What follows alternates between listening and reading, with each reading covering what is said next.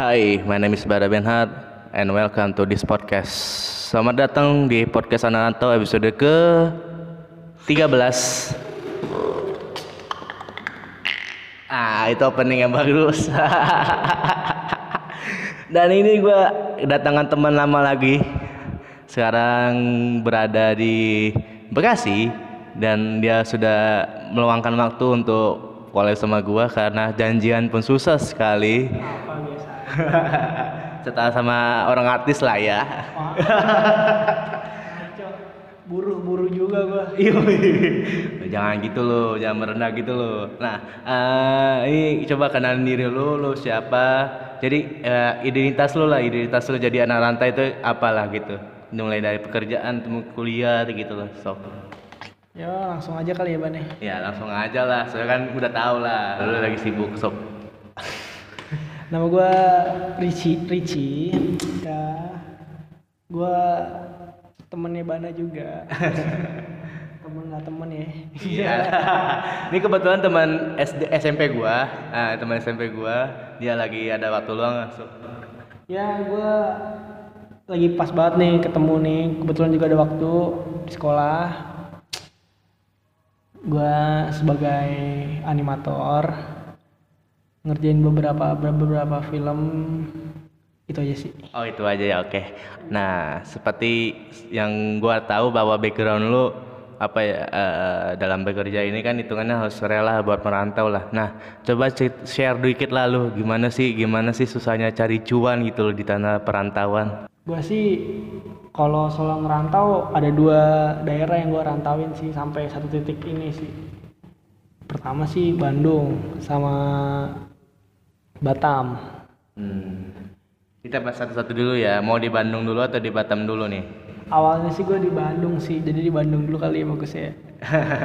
Oke boleh. Ini juga pertama kali gua juga ketemu sama dia pas setelah lulus dari SMP kan SMA gua nggak satu sekolah sama dia. Jadi gua ketemu lagi pas dia lagi ngerantau di Bandung, lebih tepatnya di Cimahi ya Ci ya. Cimahi. nah Cimahi Cimahi. Ya terus Iya kenapa gua ambil keputusan buat ngerantau ke sana karena gue sadar sih kita harus bergerak gitu. Jadinya ya sebelum itu gua ambil jurusan tuh animasi emang. Gue pengen fokus ke situ. Terus gua lihat kalau gua stay di sini aja di Bekasi nyari ilmu yang di Bekasi ya gue bakal gitu-gitu aja gitu. Kebetulan di sana juga ada komunitas animasi gua. Jadi ya let's go gitu. Gua harus ke sana lah oh gitu ya. Eh, apa tuh namanya? Kan hitungannya kan lu merantau dari Bekasi ke Bandung demi apa kayak lu kalau misalnya di Bekasi mulus ngestak lah gitu kan. Ah, ah. Eh, gimana sih rasanya perjuangan lu selama merantau demi dapat cuan gitu? nggak gampang sih yang pasti itu basic banget pasti orang nggak gampang apa pun kerjaan itu nggak nggak mudah pasti lu pertama perlu yang namanya tough gitu lu harus apa ya pertama itu daerah orang ya. Lu harus ikutin flow flow orang-orangnya adaptasinya kayak gitu gitu lah. Lu mau maksudnya gimana ya? Emang tuh nggak enak gitu merantau kan sendirian. Ya itu mau gimana lu harus sabar-sabar dulu gitu sampai ya gimana ibaratnya lu harus ngemis-ngemis dalam artinya kayak lu minta ke senior lu minta ngajarin lu harus kejar-kejar tuh orang buat dapat apa ya dapat yang penting yang penting sih soft skill sih penting. Nggak cuma skill tapi soft skill juga kayak soft skill lu dalam attitude lu itu penting banget komunikasi lu sama atasan sama teman-teman lu. Ya itu dia sih poin buat lu sampai satu titik ini. Bukan berarti ngejilat ya. Iya. soft skill. Ya kayak manner lu tuh penting banget sih. Dan gue juga ngedapatin itu sampai sekarang gue juga masih belajar gitu nggak langsung jebret bagus agak fail failnya banyak lah. Hmm. Dan itu lu ngerantau di Bandung di tepatnya di Cimahi ini udah berapa bulan? sebelumnya sih gue magang di sana. Oh magang ya, magang jadi berapa udah bulan? tahu nih gue magang berapa ya? Empat bulan gitu. Empat bulan terus gue lulus gue ngerasa aduh gue harus running nih. Ya udah let's go gitu. Tapi sebelum itu sebelum gue pengen nentuin kerja gue ke Bandung itu rencananya pengen kuliah sih daftar kuliah Hmm. ya gue pikir Mungkin jalan bukan jalan ninja lu lah, jalan ninja lu justru lebih ke kerja lah ya. ya tapi sekarang sih gue ngiri sih sebenarnya Ya. teman-teman gue kan tahun-tahun ini tahun-tahun lu lulus semua kan Gue udah kebetulan lulus sih gue. Tahun dulu tahun kemarin lebih tepatnya sih. di sosial media gitu teman-teman gue udah lulus gitu ya enggak nih gue ya ngerasa bukannya ngiri gitu maksudnya kayak waduh gitu aja sih Oh gitu ya. Jadi Sekedar itu aja. sekedar itu aja ya. tapi setiap orang kan punya masing-masing Iya, ad- kalau misalnya hitungannya kayak lu lebih baik kerja dulu, cari duit dulu. Ada juga kayak ada seseorang yang harus belajar lagi, kuliah lagi gitu. Tapi hitungannya poin is ngucap syukur gitu kita kayak tepa waktu dah ya.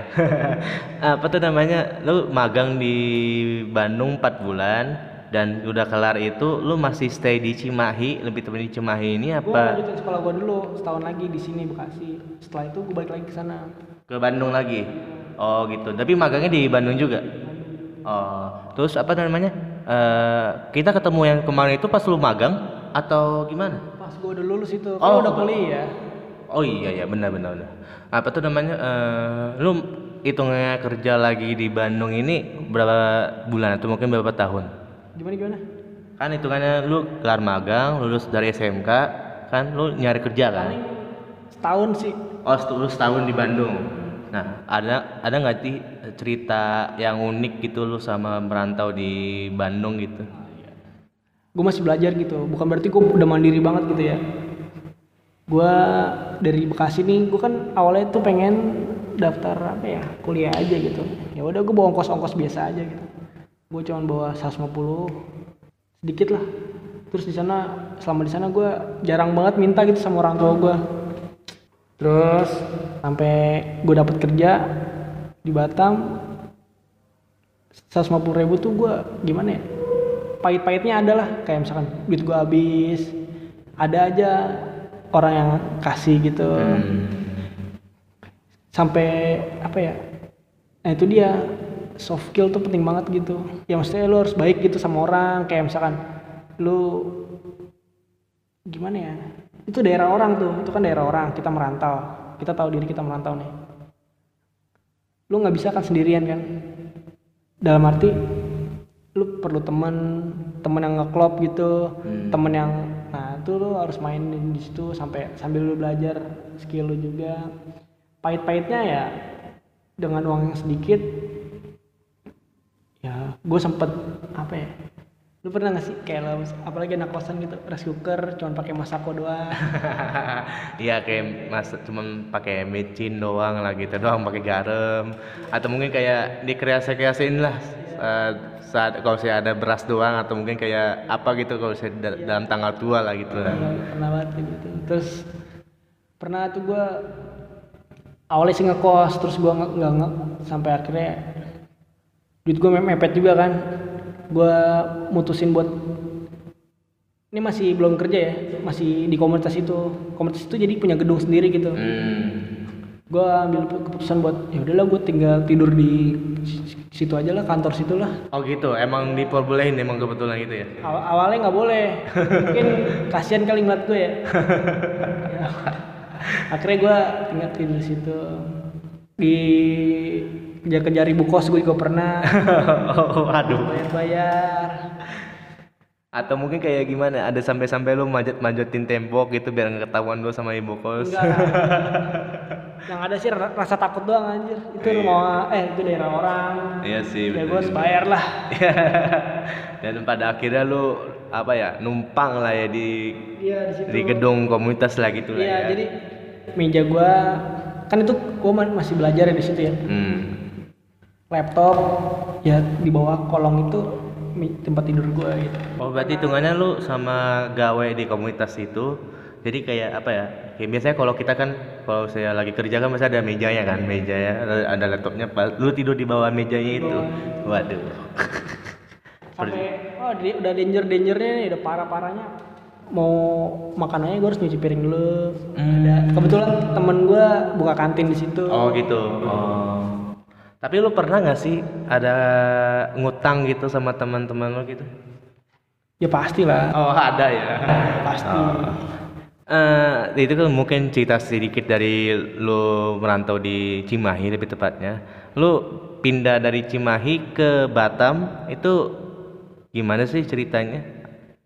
ini kan konteksnya kan lagi bahas anak rantau nih Iya. anak rantau tuh perlu yang namanya perjuangan nggak sampai sebelum gue sampai ke Batam ada transisi kan yang namanya gue harus naik pesawat bener gak? Iya. Dan naik pesawat itu tuh gue nggak nggak gratis gue harus cari sendiri juga Oh gitu. ya gue kerja dulu di Bandung ada satu studio lah akhirnya gue dapet tiket akhirnya gue bawa ke Batam Oh, gua kira justru apa dari pihak eh, dapat sih reimburse-nya dapat oh reimburse doang. Oh, kira ini kayak kasih uang saku duluan gitu biar langsung cabut lo gitu. Enggak ya. Nah, itu transisinya berapa lama? maksudnya Jadi kan kayak lu harus nyari cuan dulu buat bisa terbang ke Batam itu itu berapa bulan? sebenarnya sih sebulan dapat cuman gue dipanggil kerjanya kan tiga bulan se- selanjutnya gitu Oh, contohnya kayak nunggu nunggu tiga bulan jadi gue rada rada lama juga di Bandung ya udah gue nunggu dulu sampai gue berangkat tanggal yang ditentuin kantor ya udah Oh gitu ya. Ah, udah dapat tiketnya lu terbang ke Batam. Nah, itu lu di Batam ini lu kerja berapa bulan? Atau mungkin berapa tahun gitu? bentar sih gue dua tahun Dua tahun. Bentar dua tahun gimana? bentar ada yang 10 tahun di sana Oh gitu. Oh alah. Lu kenapa cuma dua tahun doang gitu? ya baik lagi gue pengen nyari challenge yang baru lah Oh, challenge sebenarnya sih bisa improve di sana lebih juga tapi kan pilihan gitu kan gue pengen nyoba di Jakarta juga Oh, berarti hitungannya tuh di Jakarta ini selain lu kembali lagi ke mentoring lah ya. Ini sekarang kita mentoring dulu ini, tapi lu kerja juga di Jakarta ini. iya Senin sampai Jumat gue kerja Sabtunya gue bangun kecil-kecil lah ngajarin orang gitu Dan ini gue bisa ketemu sama nih anak nih Sabtu siang, aduh. kebetulan ya lagi ngajar Nah, makanya tadi kan dia udah jelasin kan gimana aja tuh uh, schedule-nya kan Senin sampai Jumat udah gawe, gua nggak bisa gak ganggu, Sabtunya baru bisa gua ganggu. Nah, kebetulan kantor gue juga jauh banget bang jadi pulang malam di daerah mana tuh? Di dekat Bundaran HI lah Oh gitu, oke deh. Ah, iya juga sih jauh juga ya. macet juga kan kali Malang Betul sekali pagi tuh malah kan. malam sih parah banget dah. oh gitu. Oh gitu. Eh apa tuh namanya? Lu di Batam ini kita kembali lagi ke topik ya. Kembali lagi ke topik. Lu di Batam ini eh dua tahun itu ada nggak cerita unik yang lu mau bagiin gitu sama lu jadi anak rantau di daerah Batam gitu? Kalau waktu di sana sih gue udah makmur sih sebenarnya. Makmur kamu gue lihat lu masih gendutan gua daripada lu. Cuma beda lagi. Ini sih udah udah aman semuanya dari segi finansial puji Tuhan. Hmm. Sekarang tuh the realnya tuh hidup lu tuh di situ. Maksudnya kalau misalkan anak sekolah ya, yang masih sekolah nih dengerin, yang masih kuliah juga dengerin, itu tuh lu ngerjain PR, lu ngerjain US, eh US, Ujian sekolah. ujian sekolah semester. Terus yang kuliah TA skripsi itu masih ya ampun berapa persennya dalam hidup lo gitu. Masih banyak banget lah. Yang the realnya itu setelah lo udah selesai itu semua gitu waktu udah di depan klien nih kayak gimana nah itu Oh gitu. Tapi emang yang paling parah lu ini dalam bekerja ini cuman menghadapi kliennya ini doang ya. Eh sebenarnya sih kan gue fresh graduate tuh dalam arti baru Hmm. masuk kerja pertama Iya. kali gue kerja gue harus seimbangin quality itu penting banget ya kerjaan gue kan animasi nih Ya, animator lah kalau saya. Kalau animator kan orangnya, kalau animasi itu kan eh, studinya lah hitungannya gitu. Gue kan animator nih di dunia ini gue tanya dulu nih jadi gue nanya lu pernah nonton apa gitu anim- animasi film apa gitu contoh Dari dalam negeri atau luar negeri? apaan aja Kalau dalam negeri palingan Super Jarwo lah, Super nah Jarwo. yang luar negeri aja lah yang keren Ya biasanya kok. kalau dari luar negeri ya paling dari tetangga kita sih, Malaysia, Upin Ipin palingan. ya Ipin atau Atau nggak Boboiboy lah. atau nggak Boboiboy Sopo Ja- Sopo Jarwo atau apa itu pasti kan ada yang bergerak Iyalah. nah di situ tuh ada yang namanya body mekanik sama acting Oke. body mekanik ya kayak kungfu atau interaksi atau apalah Oh gerakan buat meninju, Nah, gerakan buat kayak memukul, mem- memendang gitu kan. ya. Ada juga acting acting kayak anak kecil ngomong kayak gimana acting choice lah pemilihan. Dan gue di situ masih belajar gitu kan. Gimana caranya gue achieve gitu sama kualitinya gue pernah dipanggil sama supervisor gue gitu. Ya kan komputer.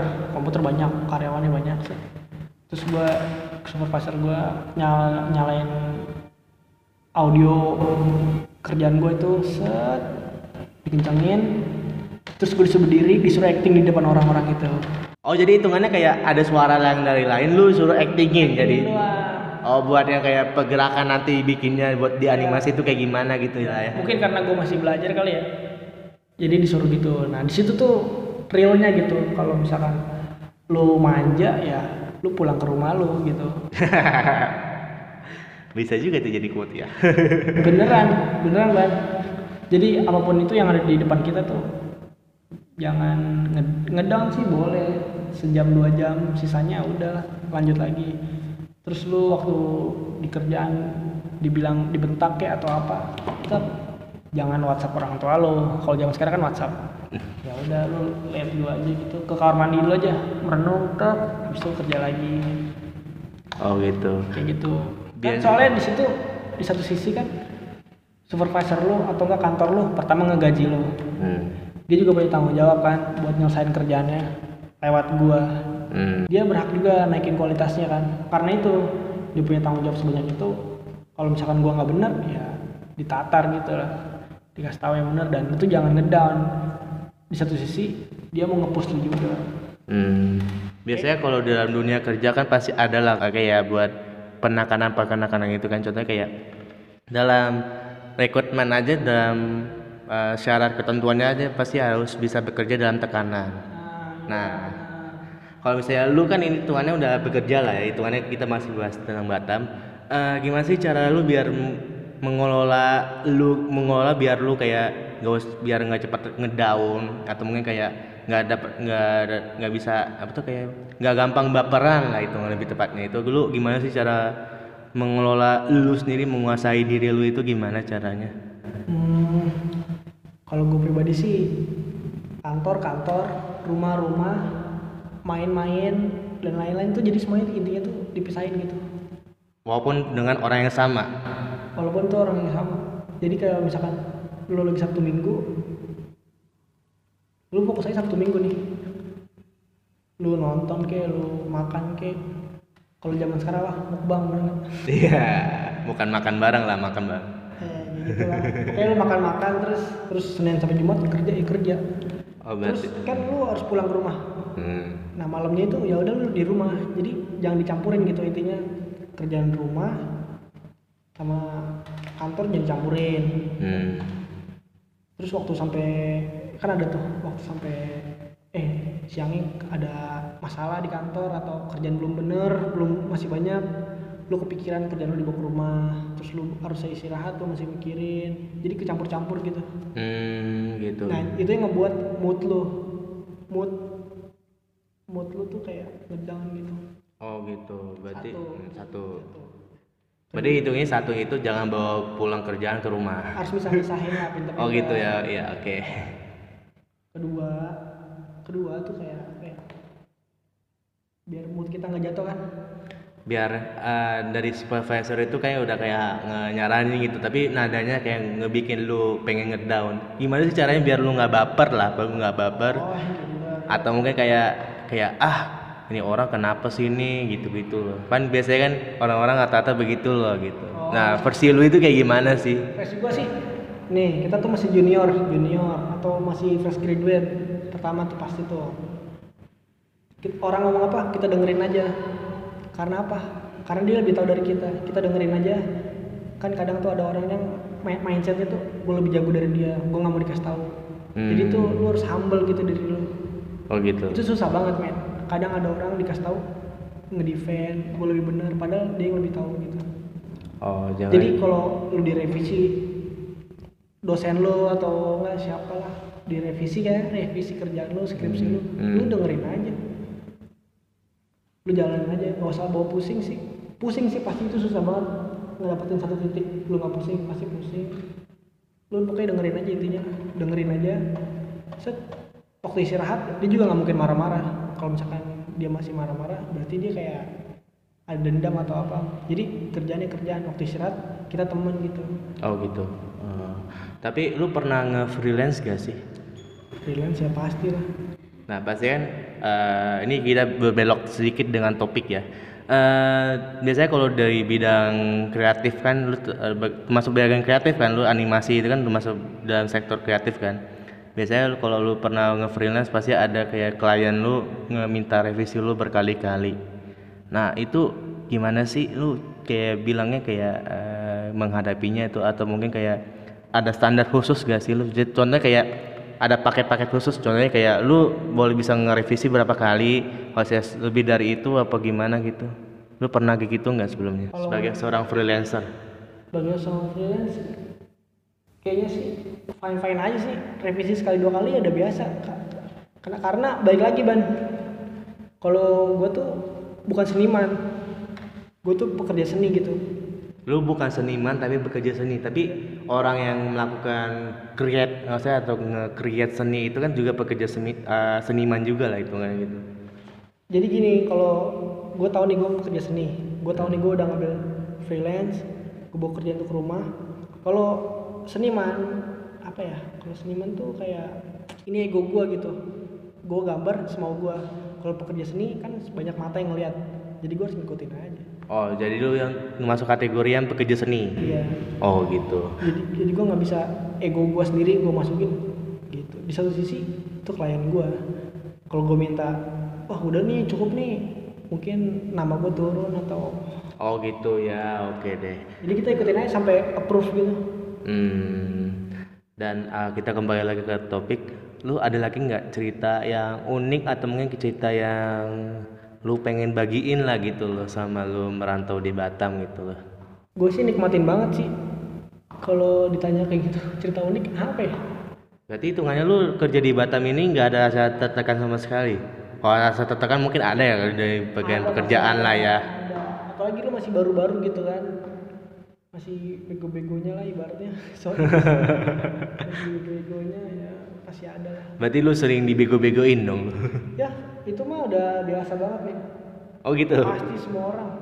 Oh, ada lagi nggak yang lu pengen cerita Tapi- gitu? di kerjaan doang kayak gituin waktu apa ya waktu istirahat ya udah istirahat. Lah kenapa? Soalnya kita harus sadar kita masih baru nih. Kalau gue salah ya udah kayak gitu dengerin aja. Tuh gue digaji di situ kan. Gue masih salah nggak bener. Ya udah gue terima. Nah itu itu yang susah men Hmm, iya juga sih. Berarti hitungannya lu harus memposisikan diri lu sesuai dengan keadaan keadaan lah ya. Contohnya kayak waktu istirahat, waktu istirahat, waktunya weekend weekend gitu-gitu kalau sama-sama itu makan bareng makan bareng lah gitu ya.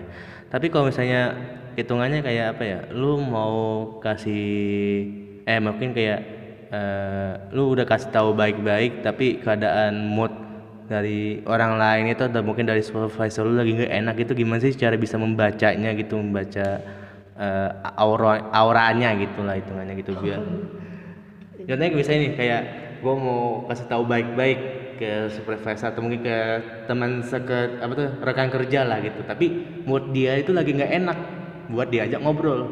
Nah itu gimana kalau menurut versi lu gini ya udah diemin aja lah. Diemin aja ya. Aja. Soalnya kerjaan gue juga masih banyak. Oh gitu. Simpelnya bang Atau mungkin kayak lu pengen ngebagi pekerjaan lu ke anak magang itu lu pernah nggak? anak magang pekerjaan. Ya balik lagi nih. Yang tadi gue selalu memposisikan diri gue tuh masih belajar gitu. Masih belajar ya? Oh, kayak oke. apa ya? Kayak yang tadi gue bilang awal. Biar Kamis nih. Kita masih belajar fresh graduate. Kita dengerin apa pun yang ada di depan tuh kita Hmm. salah ya udah kita salah nah kayak anak magang nah harusnya tuh dia yang ngejar kita gitu Bukan lu yang ngejar dia. sesekali kita perlu ngejar dia maksudnya dikasih tahu gitu Atau mungkin reminder lebih tepatnya lah ya. gimana Nge-reminder gitu. Iya. Nah, balik lagi tuh yang gue bilang soft skill tuh penting banget. Hmm. Komunikasi Oh. ke yang lebih tahu. Jadi anak magang itu kalau soft skill anak magang itu bagus gitu komunikasinya kita yang yang kerja di situ juga bakal ngerangkul dia gitu. Hmm, gitu ya. jadi yang gue bisa bagiin apa ya? Ya yang gue tahu aja gitu. Kalau dia nggak nanya Buset, sombong banget ya jadi semuanya harus aktif men Berarti hitungannya kalau misalnya anak itu introvert lah gitu gimana tuh?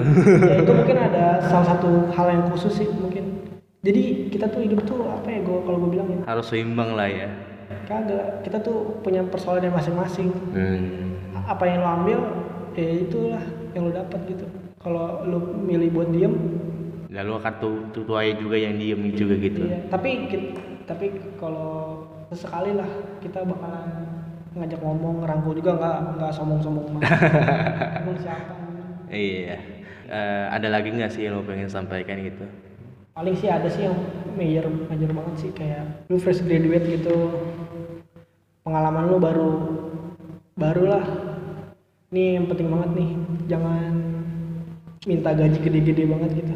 Kenapa? Karena gue bukan yang tau nih gue masih belajar sekali lagi. Karena misalkan nih lu minta seribu itu udah gede banget tuh seribu set. tapi skill lu masih 300 Oh itu nominal untuk gaji lah gitu ya. jadi jangan terlalu money oriented gitu Money oriented. Iya. Nah. jangan terlalu jadi kenapa gue bilang kayak gitu lu minta seribu tapi skill lu masih tiga tiga ratus Hmm. jadi apalagi lu masih fresh graduate apalagi itu masih pengalaman pertama lu.